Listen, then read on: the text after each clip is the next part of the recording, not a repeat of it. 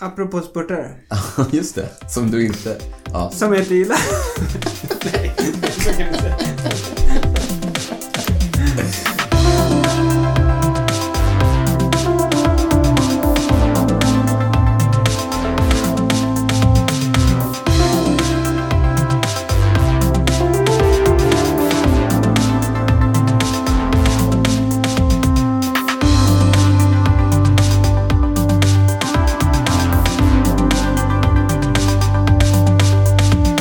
Ny jingel! Vilken- Så låter den. Vilken grej! Ja, förra veckan eh, snackade vi lite om att vi var på jakt efter en jingel. Ja. Och vi har letat. Och nu Nej, vi letade inte jättemycket. Nej, sådär, det gjorde sådär. vi inte Nej. faktiskt. Men en, via en kompis till oss så kom vi i kontakt med en kille i Göteborg som eh, är musiker. Helt Ja, enkelt. och som erbjöd sig att hjälpa till och skriva en jingel till oss. Mm. Och nu har vi en jingel. Och det är vi supertacksamma för.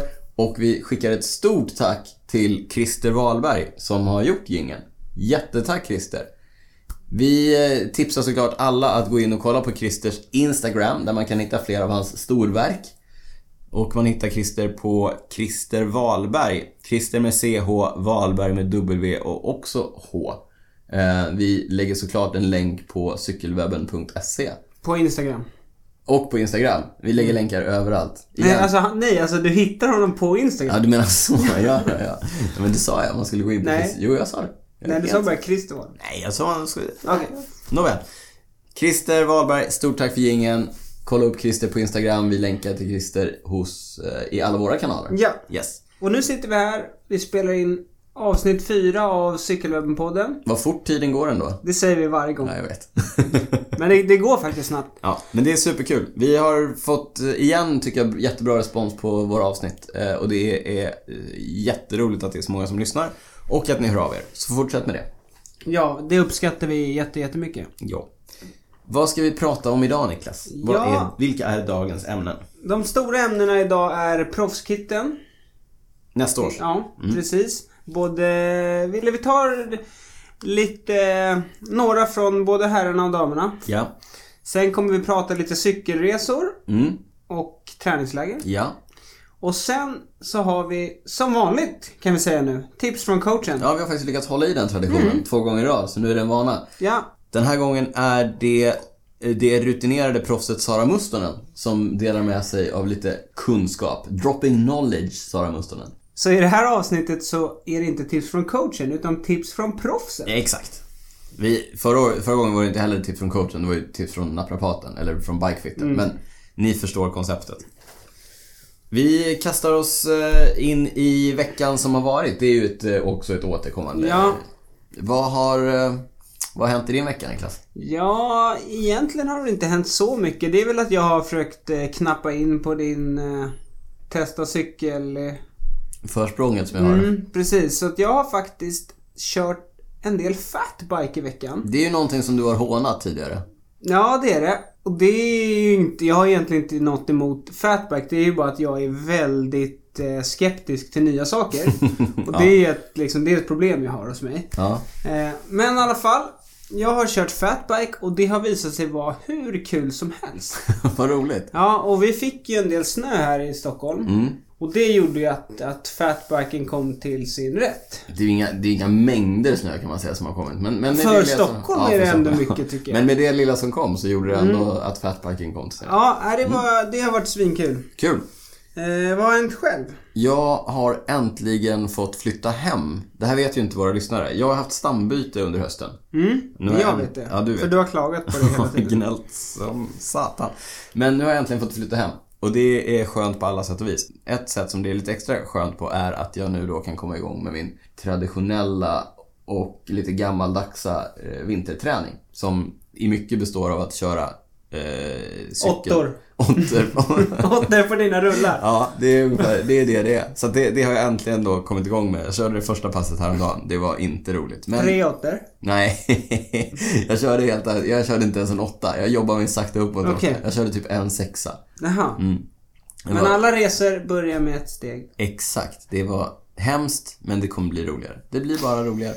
Du, vi gjorde ju precis en livesändning och där skvallrade vi lite grann om att vi kommer prata om beachcykling. Mm. Berätta mer. Ja, så här års är det ju inte jättemycket tävlingar. Nej. Alltså, Så jag har ju lite abstinens här. Du gillar tävlingar? Ja, så, jag gillar ju när proffsen cyklar. Jag Mm. gillar att titta på det. Så då har jag sökt lite efter annat. Och då kom jag över en, en liten artikel. Ja. Och resultat här från, från Holland där det har varit EM i beachcykling. Ja, man kan säga att du, du, du gräver ganska djupt för Ja. att stilla det här, den här abstinensen. Ja, precis. Berätta om bilcykling. Eh, beachcykling är väldigt stort i Holland. Och de har ju rätt stora stränder där. Ja. Eh, Så där kör de helt enkelt race. Eh, EM var 54 kilometer så de körde två varv. Eh, Så de kör i stort sett bara rakt bort. Och sen vänder de. Sen vänder den, kan vara någon slags teknisk, Ja. teknisk parti upp på någon liksom, vad säger man, strandpromenad. Ja, ja, okej. Och sen tillbaka och så varvar man. Ja.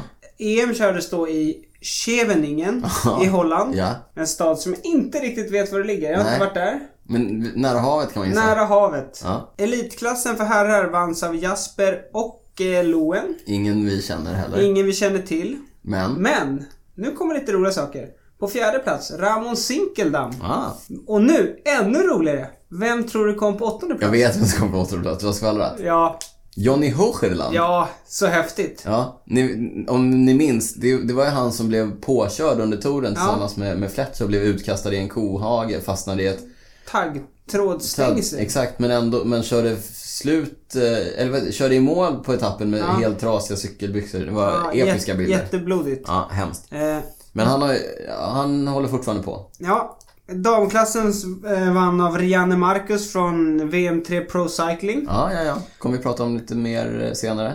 Precis, vi kommer tillbaka till det. Men Masters-klassen vanns av Erik Däck. Legenden från Rabobank. Ja, Ja, han håller fortfarande igång.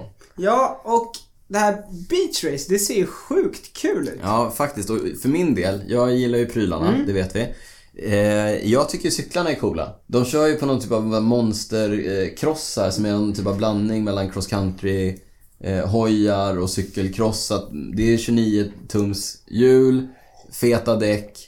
Eh, inte riktigt bockstyre utan något så här f- utflärat Ja, bockstyre som, eh, ja men lite amerikanska crossstyren.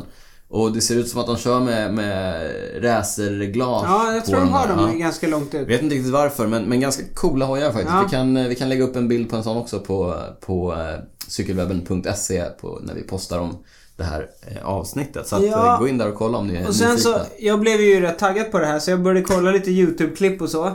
Och det är inte nog med att det bara är på sand. Och liksom de kör ju nu här under hösten och det blåser ju nå in i bomben alltså. Så att det blir ju, det är kantvindskörning. De bildar ju vingar Ah, där. Nice. Så det, ja, det, är gillar man ju. riktigt- Ja, det gillar man. Ja. Så tips är, gå in och kolla på lite beach racing Spännande. från Holland. Det finns, det finns så mycket att lära i eh, cykelsporten. Det är helt sjukt. Mm. Så många discipliner. Annars är det mest crossscenen som rullar på så här års. Mm. Lite glada nyheter där. Eh, Pauline Ferrand-Prévot, den franska extremt allroundiga eh, cyklisten, är tillbaka på crosscykeln. Hon har inte tävlat på cross sedan 2015. Nej, precis. Hon vann ju cross-VM 2015.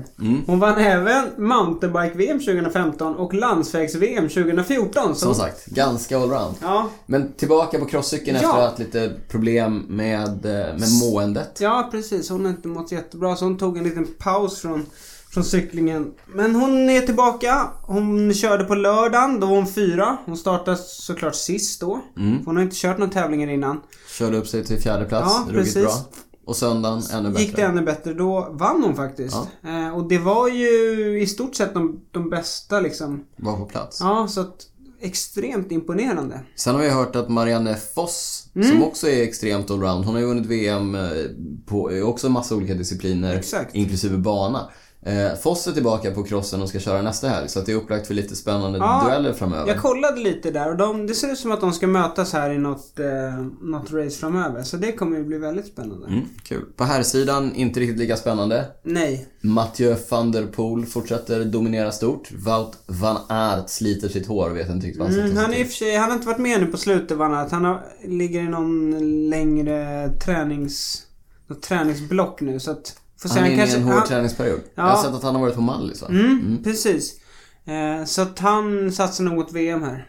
Sen har vi då den tråkiga nyheten som vi nåddes av i morse. Mm, Christopher Froome har alltså testat positivt för eh, doping. precis. Och testet var i Welton. Mm. Det var väl den 18 etappen om jag inte Jag missar har, ingen, jag har faktiskt ingen koll på detaljerna måste jag erkänna. Däremot så, själva grejen känns ju supertråkig. Mm. Men så här. Chris Froome, det har inte varit någon hemlighet att han har astma och han har använt en sån inhalator. Mm. I bild, alltså till och Ja, med under race. Man har precis. sett honom... eh, Ja. Och det får han göra. Och det är Han, tillåtet. han har ett så kallat TUE. Therapeutic Exakt. Use Exemption. Och där är, gäller tydligen en eh, maxgräns på 100 nanogram per milliliter. Så man får inte gå över det. Mm. Och nu åkte han då, eller liksom, han testade positivt. Då hade han 2000. Så att han har liksom gått över den. Tusen, eller man får ha tusen. Man får ha Och sen hundra. tusen och han Tusen, hade- han hade två tusen. Precis. Dubbelt så mycket. Ja, och Sky har ju haft det ganska tungt här på slutet Mm. med. Det var ju mycket snack kring Bradley Wiggins. och, ja. Gianni Moscon har varit i lite blåsväder och... Fast inte för doping. Nej, inte för doping, men blåsväder i alla fall. Och Sky har en del att förklara, framförallt när de flera gånger har gått ut med att de... De är Det så ska himla, vara som ja, ja, transparens visst, och visst. sådär. Så att, Och så händer det här. Det Eh. känns lite sådär. ja, och det man kan snacka när vi snackar om transparens var ju att det här... Tydligen har det här, liksom, Sky fick reda på det här i september. Mm. Eh, under VM. Eller Mm. det kanske var oktober. Ja. Men har inte varit så transparenta. Nja, men så att det här liksom UCI hade underrättat Sky om det här. Mm. Men de har inte s- liksom släppt något sedan dess. Men nu verkar det ha varit så att l- både tidningen Le Monde Mm. och Guardian Mm. fick reda på det här. På Då? något sätt har de fått nys om det. Mm. Och då gick Sky ut med det precis innan, de, innan tidningarna publicerade det. Och då gick även UCI ut med ett statement. Så att Mm. Det är mycket som är... Eh, Ja, det är, alltid, det är dels det där, dels att det händer och sen själva hanteringen. Det här känns, eh, känns ruggigt trist. eh, men så... och Både Sky och Froome har ju släppt eh, egna statements, Statements, idag ja. där de liksom säger att vi ska samarbeta med UCI och liksom lösa det här och... Ja, vi, vi, får avvaktar och s- ser. ja, vi- Jag- vi kan- tråkigt, tråkigt hur som helst att, att vi ska behöva eh, hålla ordning på sånt här. Och jag tänkte lite på det där idag att för, för, för mig känns det jättetråkigt. Och ett riktigt slag i magen för det... Jag var inte med när Lance Armstrong var som störst. Så jag hängde liksom inte med när han åkte dit. Eh, Så det här blir på något sätt första gången för mig när det... Liksom den största fixstjärnan. Vi, det händer någonting. Ja men exakt. Och jag, jag, nu är det, det känns ju inte som att det Eller jag vet inte. Jag intalar mig själv att det är renare nu och, och när man tittar på vad Lance åkte fast för så är det helt andra grejer. Men, men som sagt. Det, det drar ju någon typ av tveksamhet över hela grejen. Ja. Och det klassiska ingen rök utan eld och så vidare. Jag har ju varit ganska tydlig med vad jag tycker om norska längdskidåkare som har åkt dit för, eller åkt dit, som, som använder astmamedicin eh, mer eller mindre systematiskt. Det tycker jag ju inte är, är rätt. Men, och samtidigt så gillar jag Froome. Och, så då måste jag väl döma honom enligt samma, enligt samma bok. Ja. Ja, Eh, men som sagt, jag tycker inte vi, vi dyker inte djupare in i det. Vi återkommer när vi vet mer helt enkelt. Ja, det vi kan säga, bara för att dyka lite djupare, är att till exempel eh, Diego Lissi 2014 fick 9 månader och då hade han 1920 nanogram per milliliter. Ja. Alltså nästan lika Nästan mycket som lika Froome har nu. Och Alessandro Petacchi har också åkt dit samma Ja, sak. En gammal 2007 skotare. åkte han dit i två år tror jag. Ja, vi får se. Det är... Och då hade han ja, strax över 1300. Nej, ett år åkte han dit. Eh, Men det som också är märkligt i den här historien är att om nu Froome skulle dopa sig så verkar det extremt märkligt att han bara använder liksom astmamedicin. Ja, det är ju... Alltså... För det syns, det syns i testen. Han hade den röda ledartröjan. Han vet att han kommer bli testad. Blir testad och så, tar han, och så har han ändå det där i blodet. Ja. Det, som, det de har sagt är ju att det är möjligt att det är, om man är uttorkad Mm. så, så kan det ge liksom, inte falska utslag men utslaget kan visa sig mycket, mycket mer därför att du har en lägre blodvolym. Jag vet inte, jag ska inte gå in i det. Men, men eh, låt oss avvakta och se vad utredningen ger. Och så litar vi på utredningen. Mm. Precis. Så för att avsluta. Om han skulle åka dit så då blir han förmodligen av med sin Welta-seger. Och förmodligen kommer bli avstängd och som vi pratade om i förra avsnittet då lär han inte starta i eh, girot. Nej, Så att, vad händer med pengarna? No one ja, knows. ja, det är ingen som vet riktigt. ja. Tråkiga nyheter. Är det därför han kanske har tackat ja och redan fått en utbetalning? Kanske. ja, nej, det är jätte, jättetråkigt.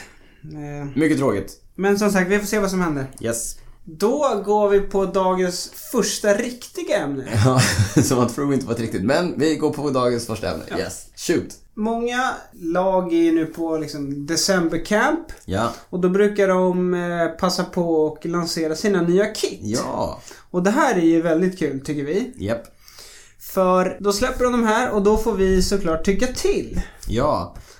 Dels så får vi se de nya kitten. Sen har de ju också väldigt mycket så här roliga photoshoots. Ja, vi har, precis. idag har vi sett bilder på, på Quickstep som har varit inne och handlat på Lidl till exempel. Och det gillar vi för vi, vi gillar ju Lidl. vi är inte sponsrade av Lidl, men Lidl, om ni hör det här, hit us up. Ja, Ja, vi gillar Lidl.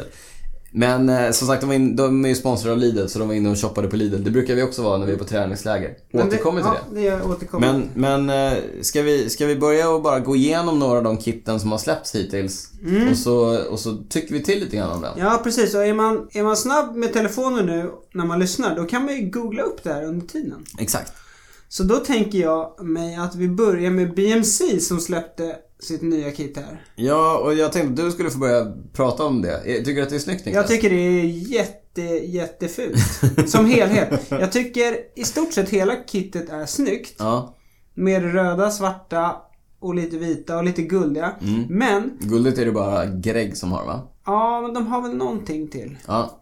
Men, det är jättefult med det här blåa kring kragen. De har gjort någon blå krage som Ja. inte alls passar in. Den Nej. sticker ut och ser... Men, nej. Och det, det ser okej ut när de står upp. Mm. Men när de sitter på cykeln, då ser det... Det ser ut som någon sån kobjälle runt halsen. Det är jättekonstigt. Ja, och sen har den också något blått eh, precis på ryggen vid fickorna. Och det är... Nej. Tummen ner från Niklas. Flopp på BMC. Jag tycker... eh, Jag håller med li- lite grann. Men eh, generellt snyggt. En annan kul grej med, med BMC inför nästa år, det är att de har fått spons av det svenska klädföretaget J. Lindeberg. Som tidigare sponsrade CK Valhall, bland annat. De har ju varit stora inom golfen. Det var ju därifrån de kom. Nu är det cykel tydligen. På Mm. grund av cykel är den nya golfen. Eh, nästa kit, Quickstep. Ett av våra favoritstall, va? Mm. Vad tycker du om nya kittet?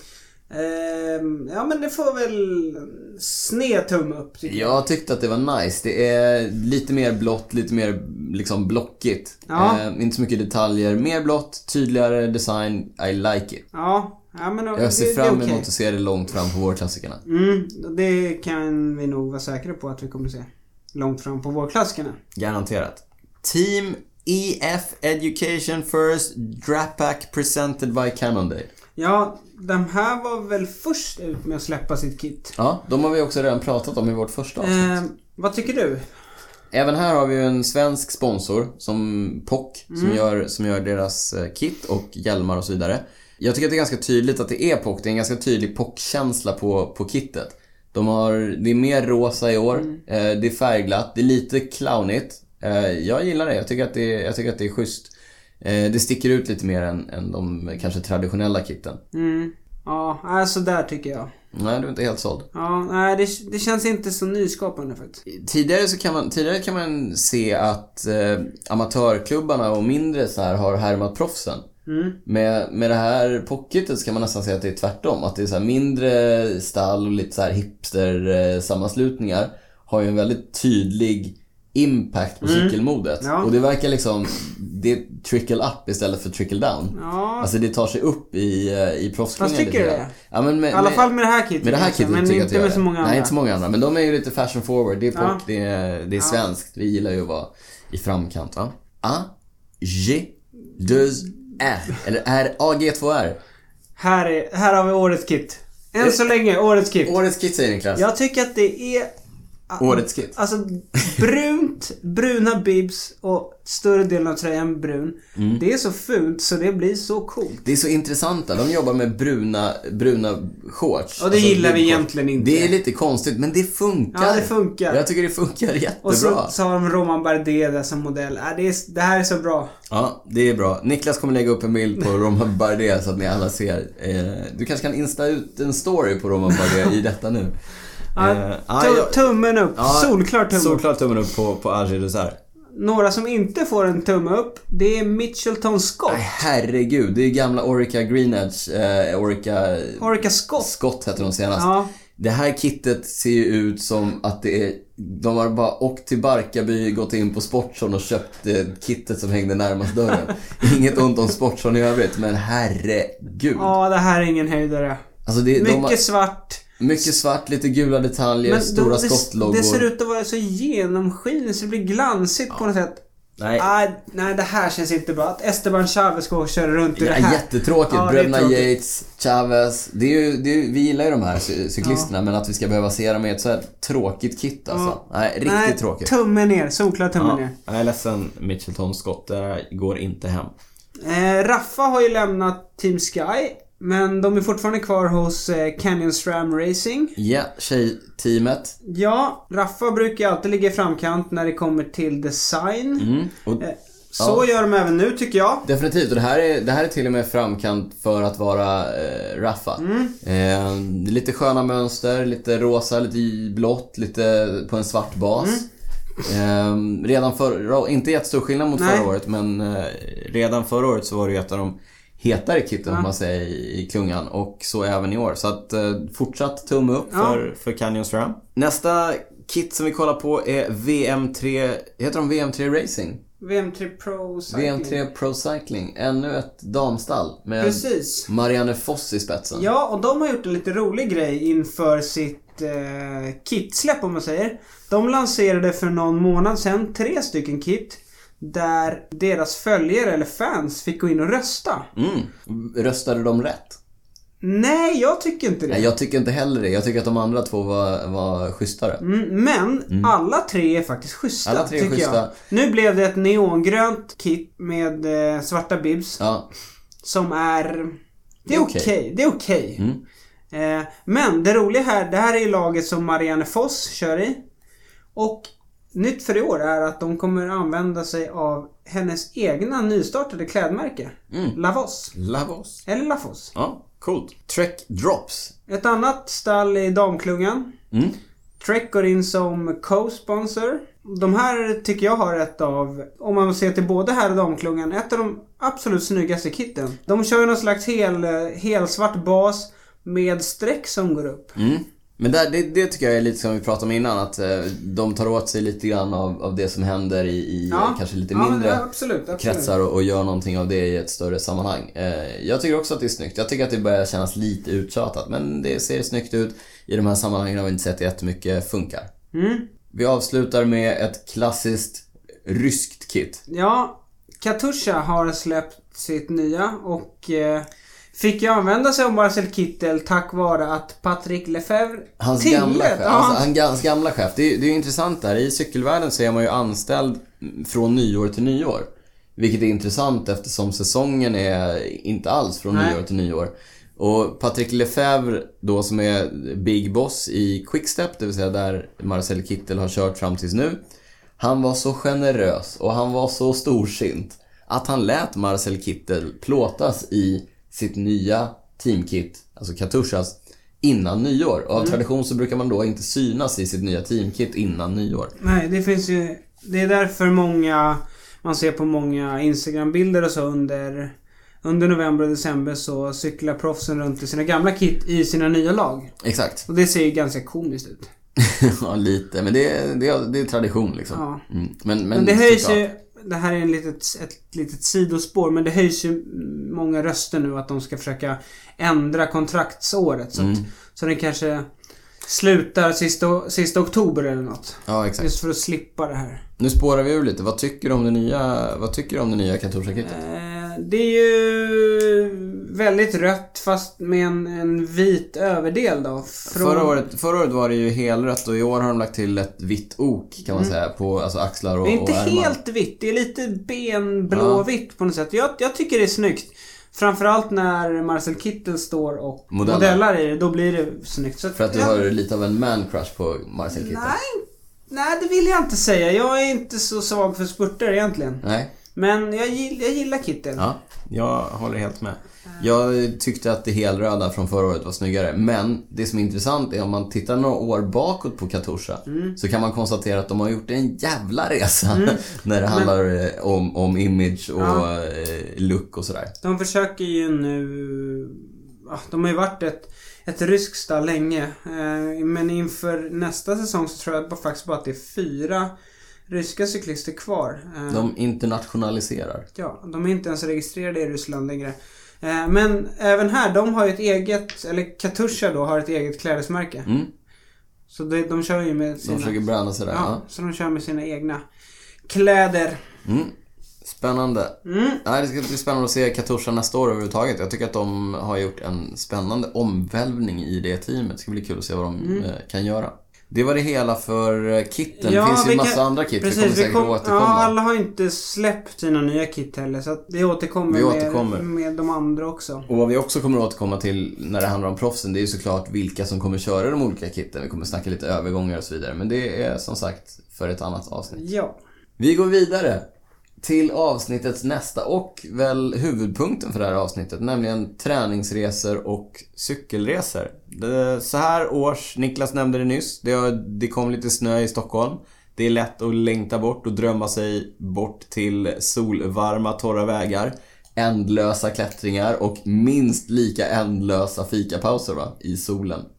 Ja, tänk dig det, sit- sitta och köra kort-kort istället för att klä på sig lager på lager. och- Käka en torr eh, baguette med en ostbit och Ja. en tomatskiva. Det är ju det bästa. Det är ju det bästa. Sitta på ett spanskt torg och dricka en café con leche med en, eh, ja som du säger, torr bake-off baguette med lite ost. Det, det, låter ju, det låter ju magiskt. Vi skrev ju på Facebook för några dagar sedan och bad om lite input på vad vi skulle prata om när det gäller cykelresor. Och input fick vi. Det fick vi verkligen, så att nu tänkte vi ta vara på den inputen och prata lite grann om de ämnen som ni där ute undrade över. Ja, Niklas, du kan väl börja med att läsa upp några av frågorna som vi fick av våra lyssnare. Ja, absolut. Jag sitter ju här med massor av frågor. Och den första frågan som kom från Stefan Ljungberg, som vi brukar cykla mot en del. Mm. Han frågar Vilka ställen borde man ha cyklat på och varför?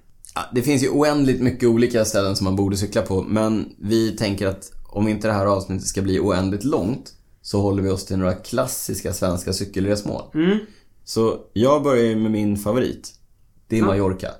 Jag gillar verkligen Mallorca. Det är ju egentligen det mest klassiska cykelresmålet för oss svenskar, inbillar jag mig. Och jag tror ju att det har att göra med att det alltid har funnits ganska liksom, billiga och lättillgängliga resor dit. Och här vill jag erkänna en sak.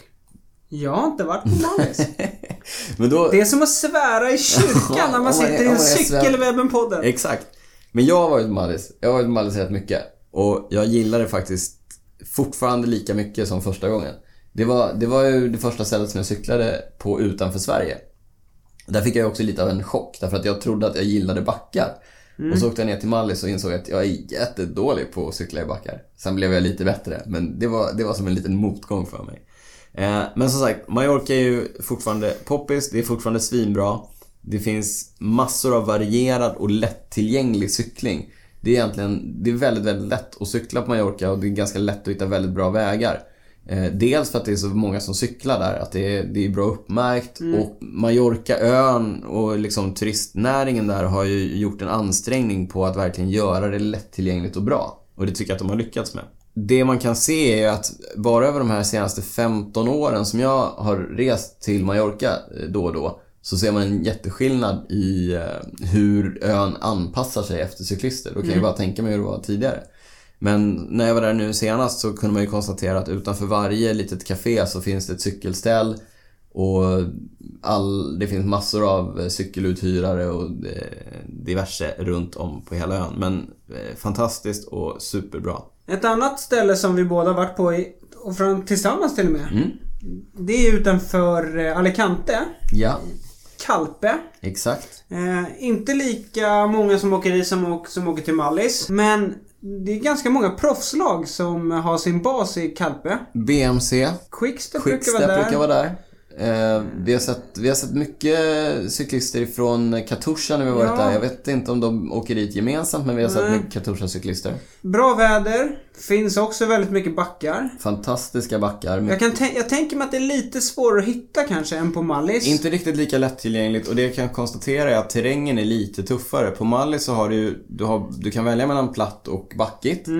När vi är utanför Alicante där, eh, spanska kusten, så är det ju, du måste ju alltid klättra. Ja, det är, det är inte så jättelånga stigningar. Men det, det är i stort sett alltid upp eller nerför. Mm. Men också egentligen, men lätt, lätt att ta sig till. Man flyger till Alicante och så hyr man en bil eller tar en eh, buss och så är man där. Och som sagt, det finns mycket proffs, det finns mycket klassiska backar. Eh, Vueltan åker ofta förbi. Vältan, väl, vältan. Vältan har varit här ganska Vuelta. många gånger de senaste åren. Ja, extremt deprimerande om man jämför sina egna tider upp för, som man då kan göra med Strava. Eh, jämföra sina egna tider eh, upp för de backarna som körs. Eh, där de i princip kör dubbelt så fort som vi gör. Ja, det är lite tråkigt.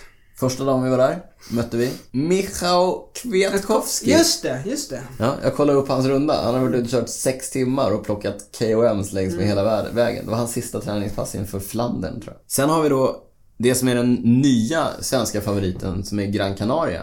Och där tror jag att vi båda måste göra ett erkännande. Ja, där har inte jag varit. Och där Ingen har av oss inte, har varit nej. där. Nej. Eh, Så där, det kan vi inte säga så mycket om. Det, det som vi kan säga är att det ser eh, fantastiskt ut. Det- Må- många som har varit där verkar jätte, jättenöjda. Ja, det är väder, mycket, mycket mer vädersäkert än, än både spanska fastlandet och Mallorca. Så man kan åka dit mycket tidigare på året utan att vara rädd för regn. Och det vi också kan konstatera är att där har man också gjort en medveten och ganska långsiktig satsning på att få dit mer cyklister. Och det har man dels då gjort genom att satsa på infrastruktur och satsa på, på nä- turistnäringen. Eh, men också genom att liksom sponsra, eh, genom att sponsra proffsstall och komma dit och träna där. Så att det gamla klassiska Team CEC till exempel, de var ett av de första stallen som åkte dit och tränade. Eh, Och nu tror jag att man ser mer och mer proffs som faktiskt hänger där. Men om vi tittar på lite andra ställen då som, som är stora bland proffsen. Då är ju Nice ett av de absolut största ställena. Där är det väldigt, väldigt många proffs som bor. Mm. Ehm, Det är ju också fantastisk eh, cykling. Lite mer trafikerat och, och lite svårare att att kanske hitta. Inte så lättillgängligt men, men liksom eh, nära till berg, nära till hav. Eh, Fantastiskt fin eh, cykling. Där har jag faktiskt varit och kört en del. Eh, sen har vi det klassiska eh, länstillhållet Girona utanför Barcelona i Spanien. det känns som att det är jättestort nu. Det är väldigt många proffs som bor där också nu under, under vinterhalvåret. Mm. Och även har sin bas där. Exakt. Igen lite sådär... eh, Jag tror att mm, traditionen, eller tradition. Jag tror att många engelskspråkiga proffs började med att bosätta sig där därför att någon bodde där och sen så blev det fler och så blir det liksom en stor proffsenklav som bara hänger där omkring. Så att, men där, där finns det ju också väldigt fin cykling eh, där omkring. Sen har vi såklart hela Italien. Inte hela Italien, men Italien är ju också fantastiskt för cykling. Jag har varit och cyklat i några olika regioner.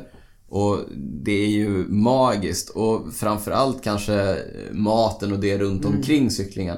Cyklingen är ju fin i sig. Det jag har upplevt i Italien är kanske att vägarna inte är lika väl underhållna eller nybyggda eller nyasfalterade som, som i Spanien. Men cyklingen är fantastisk och som sagt, det runt omkring tycker jag att man får mer av i Italien än, än på andra ställen i Europa. Men som sagt, vi kanske återkommer till, eh, till mer specifika resmål i ett annat avsnitt. Ja, och lite mer tips på vad vi har varit och vad, vad vi tycker är liksom, om man vill, om man vill eh, off the beaten track kanske. Mm, Men då kanske vi ska gå vidare här för vi, det var ju ett gäng eh, frågor vi fick. det var det. När är det bäst att åka på en cykelresa? Där beror det lite grann på vad man vill ha ut av resan. Om man tittar på ren liksom, träningseffekt. Då vill man ju kanske åka kanske i mitten av, början, mitten av mars någonstans, någonstans och för att få ut så mycket av det som möjligt och komma hem i bra form till säsongen. Till eh, Kantvind Östgötaloppet. Östgötaloppet. Vill man däremot ha ut så mycket av själva resan som möjligt, då tycker jag att det är bättre att åka lite senare och, och säkra upp lite bättre väder och längre dagar och sådär. Så att då kanske någonstans april, mitten av april, maj någonstans. behöver man inte stressa. Kan man bara softa lite. Precis. Däremot, en, en annan grej. För ett par, förra året så åkte jag till Mallis en vecka i slutet av oktober. Det var helt magiskt. För då hade jag ingen stress överhuvudtaget. Vädret var toppen. Jag var bara helt relaxad och kunde cykla och ha det fint. Så, svaret är oktober. Oktober är svaret. Yes, Oktober är det svaret. trodde du inte Nej. när vi började. Nej. Nästa fråga har ju du paxat att få svara på Niklas. Och det är hur gör man med övrig familj? Till exempel flickvän slash fru slash man när man ska på träningsläger. Ja, och där har jag lite, eh, lite erfarenhet att dela med mig av.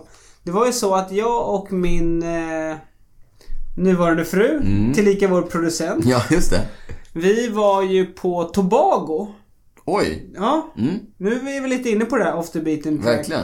Eh, Men vi var där 2013. Hade du med dig cykeln? Ja, jag hade med mig cykeln. Ja, häftigt. Så jag hade via Strava fått kontakt med en kille som cyklade där. Mm. Så eh, jag skulle möta upp honom där och cykla en del med honom. Och för min fru då, eller min då, Dåvarande flickvän. dåvarande flickvän, cyklar inte. Och Nej. då kan det alltid vara lite, det är lite sådär, hur mycket tid får man lägga på cyklingen och så. Mm. Och då gjorde jag så, och det här var inte bara på grund av att jag ville cykla då. Men jag friade första kvällen. Första kvällen? Ja, på Så- ny- det var nyårsafton så Ja, ja, ja. jag friade. Men var det för att hon då skulle vara på bra humör resten av veckan och låta dig cykla så mycket som du Nej, ville? det var för att hon är fantastisk. Men hon Men också. var på jättebra humör resten av resan. Och du fick cykla mycket du Jag ville? cyklade jättemycket och vi träffade massa locals där och som vi hängde med så. Så det blev jättebra. Så ett, ett tips om man inte har friat. Passa på att göra det Passa på på att göra det på cykelsemester. cykelsemester. Men, men ditt tips är alltså ta med, ta med fru, flickvän, pojkvän, man Det tycker jag och absolut. ja, Det går att kombinera. Ja. Det håller jag helt med om. Eh, En annan fråga är vilka Strava-segment är de mest prestigefyllda på till exempel Mallis? Ja, och här, här har jag några tips. Okej. Eh, ja visst, här kommer de. Är du beredd? Ja. På Mallis så finns det ju några klassiska klättringar. Det Mm. finns bland annat den längsta klättringen på ön som är, är upp på det högsta berget på, på Mallorca, nämligen Pig Major. Nu skulle jag ju haft hur högt det berget är här i bakfickan, men det har jag inte. Men, men det är ju ett klassiskt eh, Strava-segment. Vi, kommer ut, vi kan lägga ut länkar till de här på, på cykelwebben.se också. Men det är ju det är ju ett klassiskt segment. Eh, det är idel proffs och eh, liksom andra kändisar på topp 10 på de här Strava-topplistorna. En annan klassisk klättring är ju såklart Sakalobra som ligger på norra sidan, nordöstra sidan av eh, ön. Det är den Sky alltid använder. Exakt, det är ju Skys klassiska testbacke. Det ser man tydligt på topp 10-listan på det segmentet. Michal. Michal ligger högt upp. Jag tror att det är Sebastian Enau som har eh, KOM. -et. Okej. Kusinen till... Exakt, det är ju en, eh, det är ju en eh, ner och uppklättring. Du, du kan inte liksom åka igenom den utan du kommer till den och sen åker du ner och så får du klättra upp igen. Okej. Du har ju inte varit där så jag måste förklara för dig. Ja. Här kommer en annan skall. Jag har varit på Mallis kanske 20 gånger. Aldrig cyklat Sakalobra. Va? It doesn't make sense. Man måste cykla ner och sen så får man cykla upp igen. Skönt ändå att du berättar för mig. När du inte har kört det själv. Men vadå, man, måste, man, måste, man kommer dit, man står på toppen liksom. Och så måste man cykla ner och cykla upp igen. Jag är redan uppe, varför ska jag ner? För att du ska ta KM. Ka- Ja, not even close. Eh, kanske nästa gång, men fortfarande aldrig cyklat den. Har du några andra bra strava Ja, det finns ju en liten gömd som jag vet att eh, till exempel eh, gamla klassiska Team High Road körde som en liten testbacke, nämligen San Salvador. Den är lite bortglömd och gömd. Men eh, testa den, vi lägger upp länk på den också. För oss svenskar så tror jag att en av de mest klassiska är Militärbacken som är en klättring ut från Palma.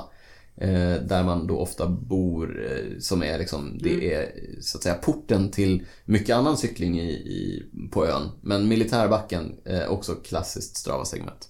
Det var det. Vad ska man undvika på en cykelresa Niklas?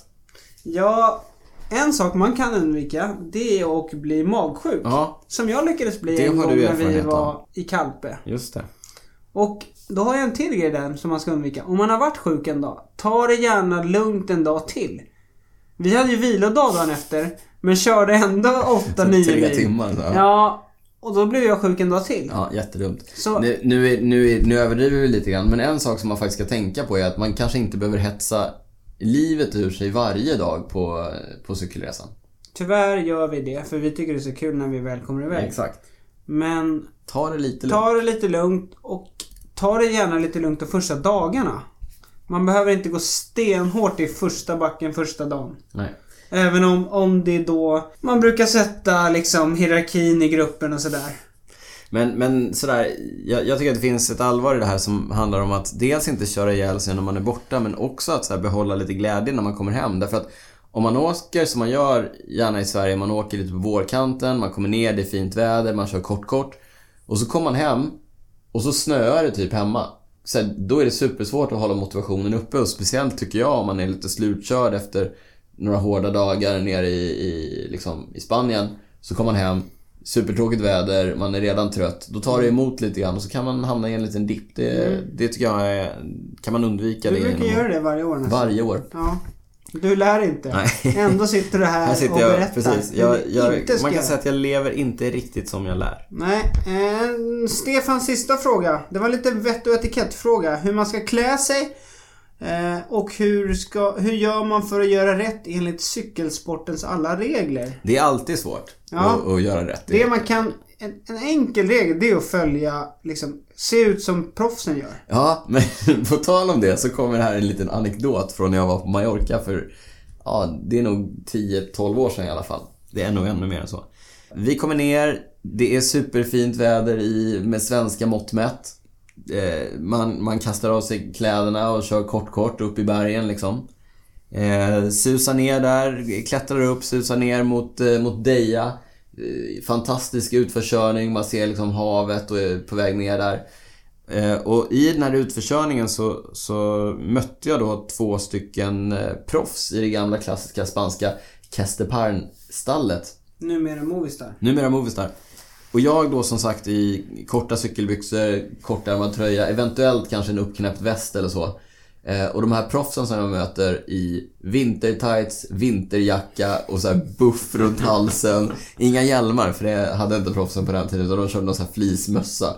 Där satt de och körde uppför i vintermundering och så kom jag utför körandes i sommarkittet. Nu tror jag att det kanske var lite överdrivet åt båda hållen, men eh, Gör som proffsen. Ja. Eller inte. Vi har, vi har fått en fråga från Mats som undrar vilka flygbolag som är bra på att packa cyklar eller skicka cyklar med. Och för egen del så måste jag säga att det känns som att det är hugget som stucket. Ja, det känns verkligen som ett eh, lotteri. Det vi kan skicka med det är ju att se till att packa cykeln så bra det bara går. Eh, antingen i en ordentlig cykelväska Eller i kartong. mm, och använd dig av massor av bubbelplast. You can never have too much bubbelplast. Nej. Och sån här Ja, rörisolering. exakt. Eh, se till att alla, ingenting får ligga löst i, i liksom väskan eller kartongen. Allt ska sitta fast. Ja, men surra, surra allt, packa överdrivet försiktigt. Eh, kanske skruva av bakväxel för att inte böja bakväxelröret och sådär. Var extra försiktiga med, med packningen så, så brukar det gå bra. Jag litar inte på något flygbolag mer än något annat. Bra att säga det. Ta med ett extra växelöre också. Alltid bra. Jättebra tips. Om vi går vidare så fick vi en fråga från Nils-Olof Larsson.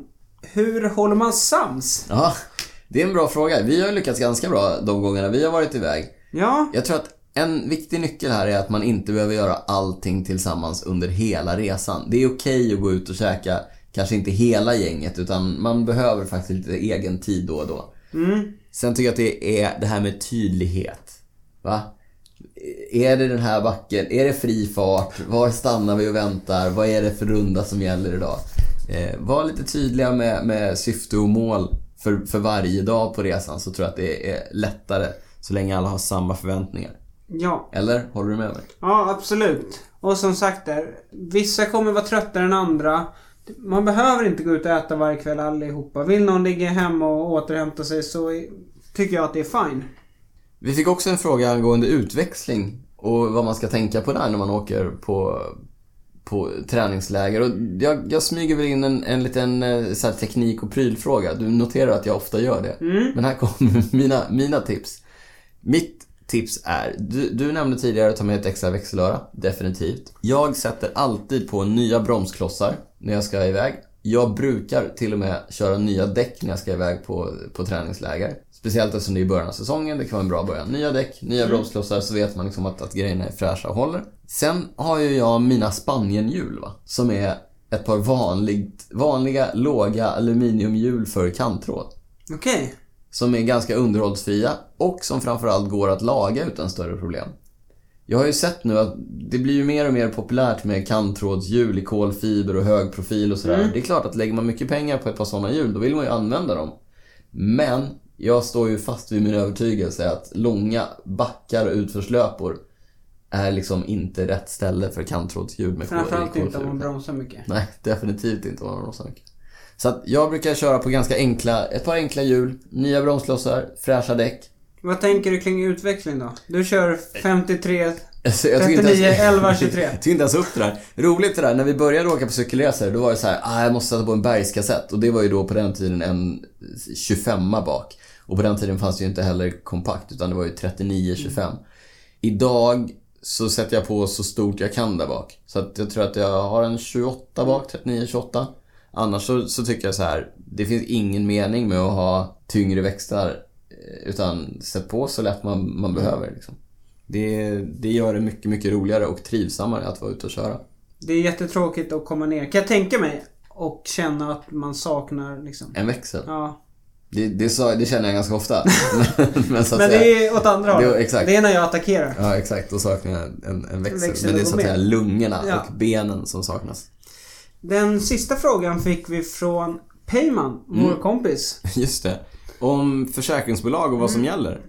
Ja, och där ska jag faktiskt säga att jag har inte så bra koll. Jag har faktiskt kollat det ganska nyligen med mitt försäkringsbolag och de täcker skador på, på utrustning upp till 50 000 kronor under resa. Men det är ju väldigt individuellt beroende på vad du har för försäkringsbolag och vad du har för försäkring. Så vårt tips är att kolla helt enkelt med ditt eget försäkringsbolag. Ja, ring dem innan du ska iväg. Bättre innan än efter. Men om ni ska resa i Europa, se till att ha med er ett sånt här sjukkort ifrån Försäkringskassan. Just det. Som visar att man är berättigad till sjukvård inom EU. Bra tips va? Ja. Det var våra tips när det gäller resande, men vi har ju också tagit hjälp av ett riktigt proffs. Alltså ett, ett bokstavligt talat ett Ja. proffs. Jag har snackat med Sara Mustonen, som är ett av våra mest rutinerade proffs. Hon har ju varit på ett och annat träningsläger. Så vi får se vad hon har att säga om vad man ska tänka på när man åker på träningsläger. Ja, vi rullar bandet. Över till Daniel på fältet. Ja, men sådär då. Då är det Daniel på fältet. Eller egentligen är det Daniel eh, hemma i soffan med datorn. Eh, men med mig på tråden så har jag Sara Mustonen som har lovat att ge oss fem tips inför eller under eh, träningsläger. Hej Sara och välkommen till Cykelwebben-podden. Hej Daniel, tack så mycket. Vad roligt att du delar med dig av din tid och hjälper oss eh, med träningsläger. Det är ju någonting som du är rätt vass på efter alla år som proffs. Jag har funderat lite. Jag tror att du kanske är vårt mest rutinerade proffs just nu. Aj då, är det så? Det kan vara så. Hur länge har du, hur länge har du varit proffs egentligen? Eh, ja, nästa år blir väl min tolfte säsong. Mm. Det är ganska mycket. Jag har gått och blivit rutinerad alltså. Ja. det är sånt som händer när man inte riktigt tänker på det. Ja, Ja, men vad roligt. Eh, grattis till en eh, lång och fin karriär. tack. Eh, Men du, då har du ju åkt på en hel del träningsläger. Berätta lite vad du har lärt dig och ge oss dina fem allra bästa tips för ett lyckat träningsläger. Ja, det första jag kommer att tänka på det är väl liksom location, location, location. Jag tycker det är det absolut viktigaste att välja ställen med, med om- omsorg och hitta ställen som du trivs på. Ja, och vilka är dina favoritställen och vad väger du in? Vad är det viktigaste när du väljer ställe?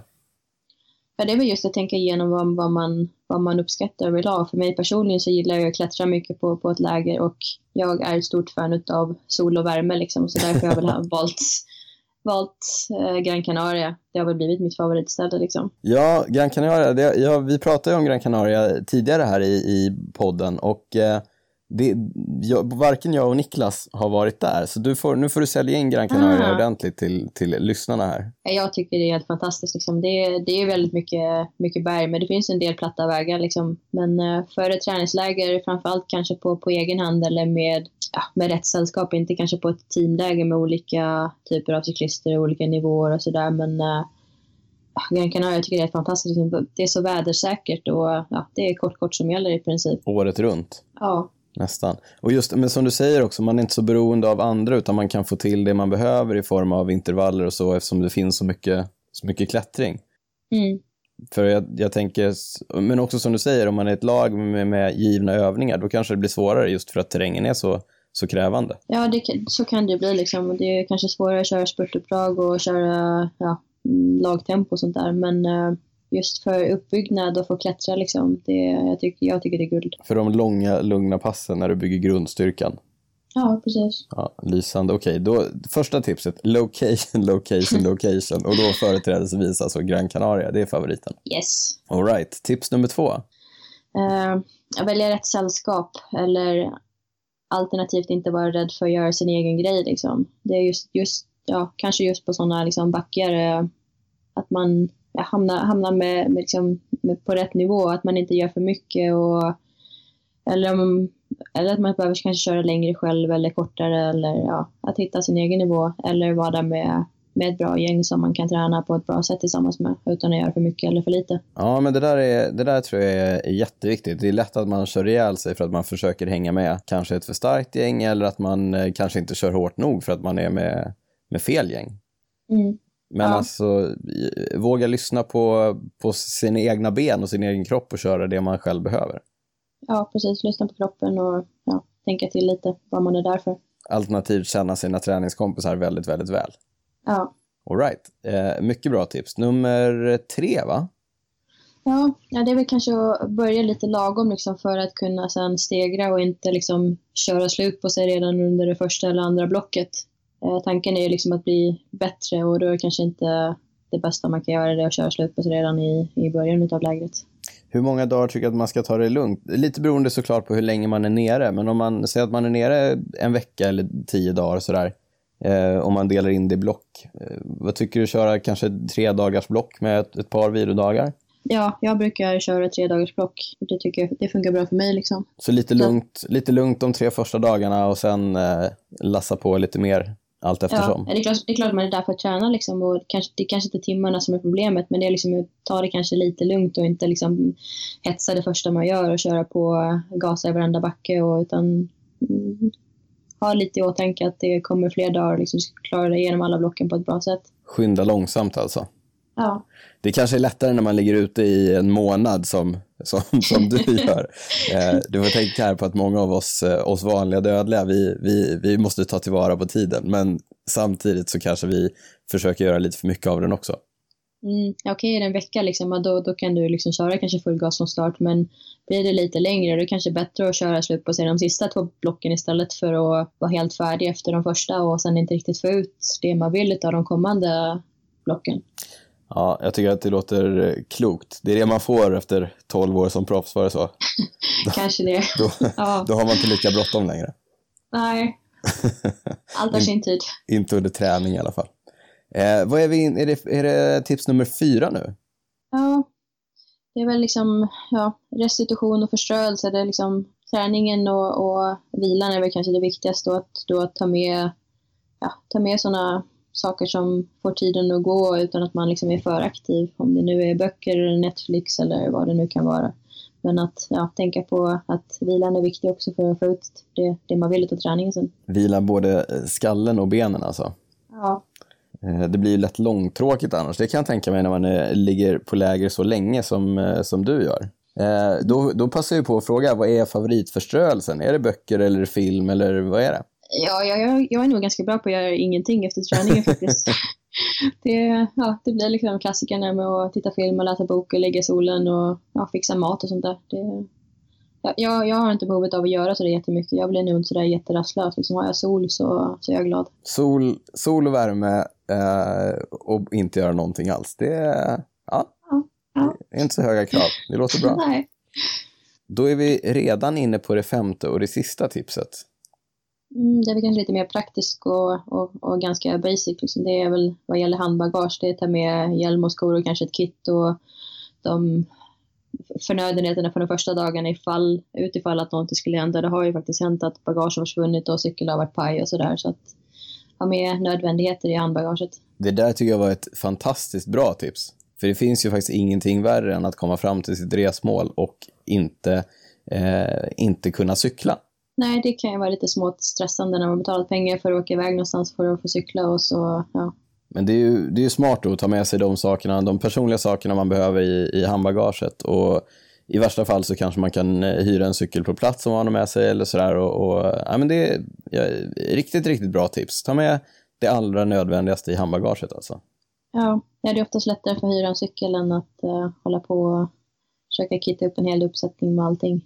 Ja, och ett par, köpa ett par, sk- du kan ju inte hyra ett par skor och köpa ett par skor och en hjälm är ju faktiskt ganska kostsamt om man behöver göra det på plats. Ja, och som inställningar och allt sånt där så att eh, det kan vara bra att ha det, hålla, hålla det nära. Riktigt bra tips Sara, tack för det. Du, eh, jag vet att du redan har varit iväg en vända på just Gran Canaria i år. Vad är, vad är nästa punkt i kalendern? Mm, ja, det blir Gran- Gran Canaria igen. Mm, Första januari. Oj, oj, oj, ja, ja, du inleder året med sol och värme. Jajamän. Jag ser ett tema här. Ja. Eh, Så träningsläger direkt i januari. När eh, siktar vi på eh, tävlingspremiär? Du kör ju ett nytt lag i år. Eh, Vad blir de första tävlingarna? Eh, Det är väl i dagsläget, eh, da- i dagsläget ändå lite oklart beroende på, eh, ja, det är ett par tävlingar som vill byta, byta datum i kalendern, men eh, det är tanken i februari. Ja, det är ju betydligt tidigare tävlingspremiär än eh, vad vi har här på hemmaplan, så att då kanske det är lite Mm. viktigare också att komma iväg med eh, och komma igång med träningslägren lite tidigare än vad vi gör här också. Ja, ja, jag känner, ha- har man möjligheten så det är bara att, att åka. Det är bara att dra iväg. Ja. Eh, Men eh, du Sara, då tackar vi så hemskt mycket för att du tog dig tid och bjöd på dina bästa tips för träningsläger. Vi önskar eh, trevlig resa då till Gran Canaria i början av januari och sen stort lycka till under säsongen. Tack så jättemycket. Tack själv. Ja, det var Saras tips. Vi tackar henne och önskar henne stort lycka till inför säsongen 2018. Hoppas att den blir bättre än 17. Hon har haft det lite tufft. Det var allt för den här gången. Ja, ännu ett långt avsnitt från Cykelwebben-podden. Mm. Hoppas att ni gillar det. Ja, och gillar man det vi gör så får man gärna följa oss på Facebook, Instagram och Twitter. Vi heter Cykelwebben överallt. Och vill man komma i kontakt med oss så går det bra att kontakta oss antingen på Instagram, Twitter eller Facebook eller mejla till info at cykelwebben.se. Exakt så. Och vi blir som vanligt superglada över all typ av feedback. Det är så vi kan lära oss att bli bättre. Det är så vi kan hitta nya ämnen att prata om. Så snälla, hör av er. Om ni gillar det vi gör så gå jättegärna in på iTunes och sätt ett betyg på oss. Lämna jättegärna en recension. Och Niklas, Det viktigaste av allt, berätta för era kompisar och cykelkamrater om, Om podden. Cykelwebben-podden. Att de ska lyssna på podden. vi vill ha mer lyssnare, det hör ni. Vi är jätteglada över de vi har, men vi vill också såklart nu till fler. Ja, och nu är det ju... Snart jul. Ja, precis. Vi är tillbaka i mellandagarna. Vi har planerat lite grann en Swift-special. Vi får se om vi hinner få den på plats innan eh, nästa avsnitt. Medan Niklas funderar så tycker jag att vi säger stort tack för den här gången och på återhörande. Cykelwebben-podden. Out. Ja. Ru- Ja, rulla ciao. rulla jingeln. Just det, rulla jingeln! Woo! Hej då! Tja, tja!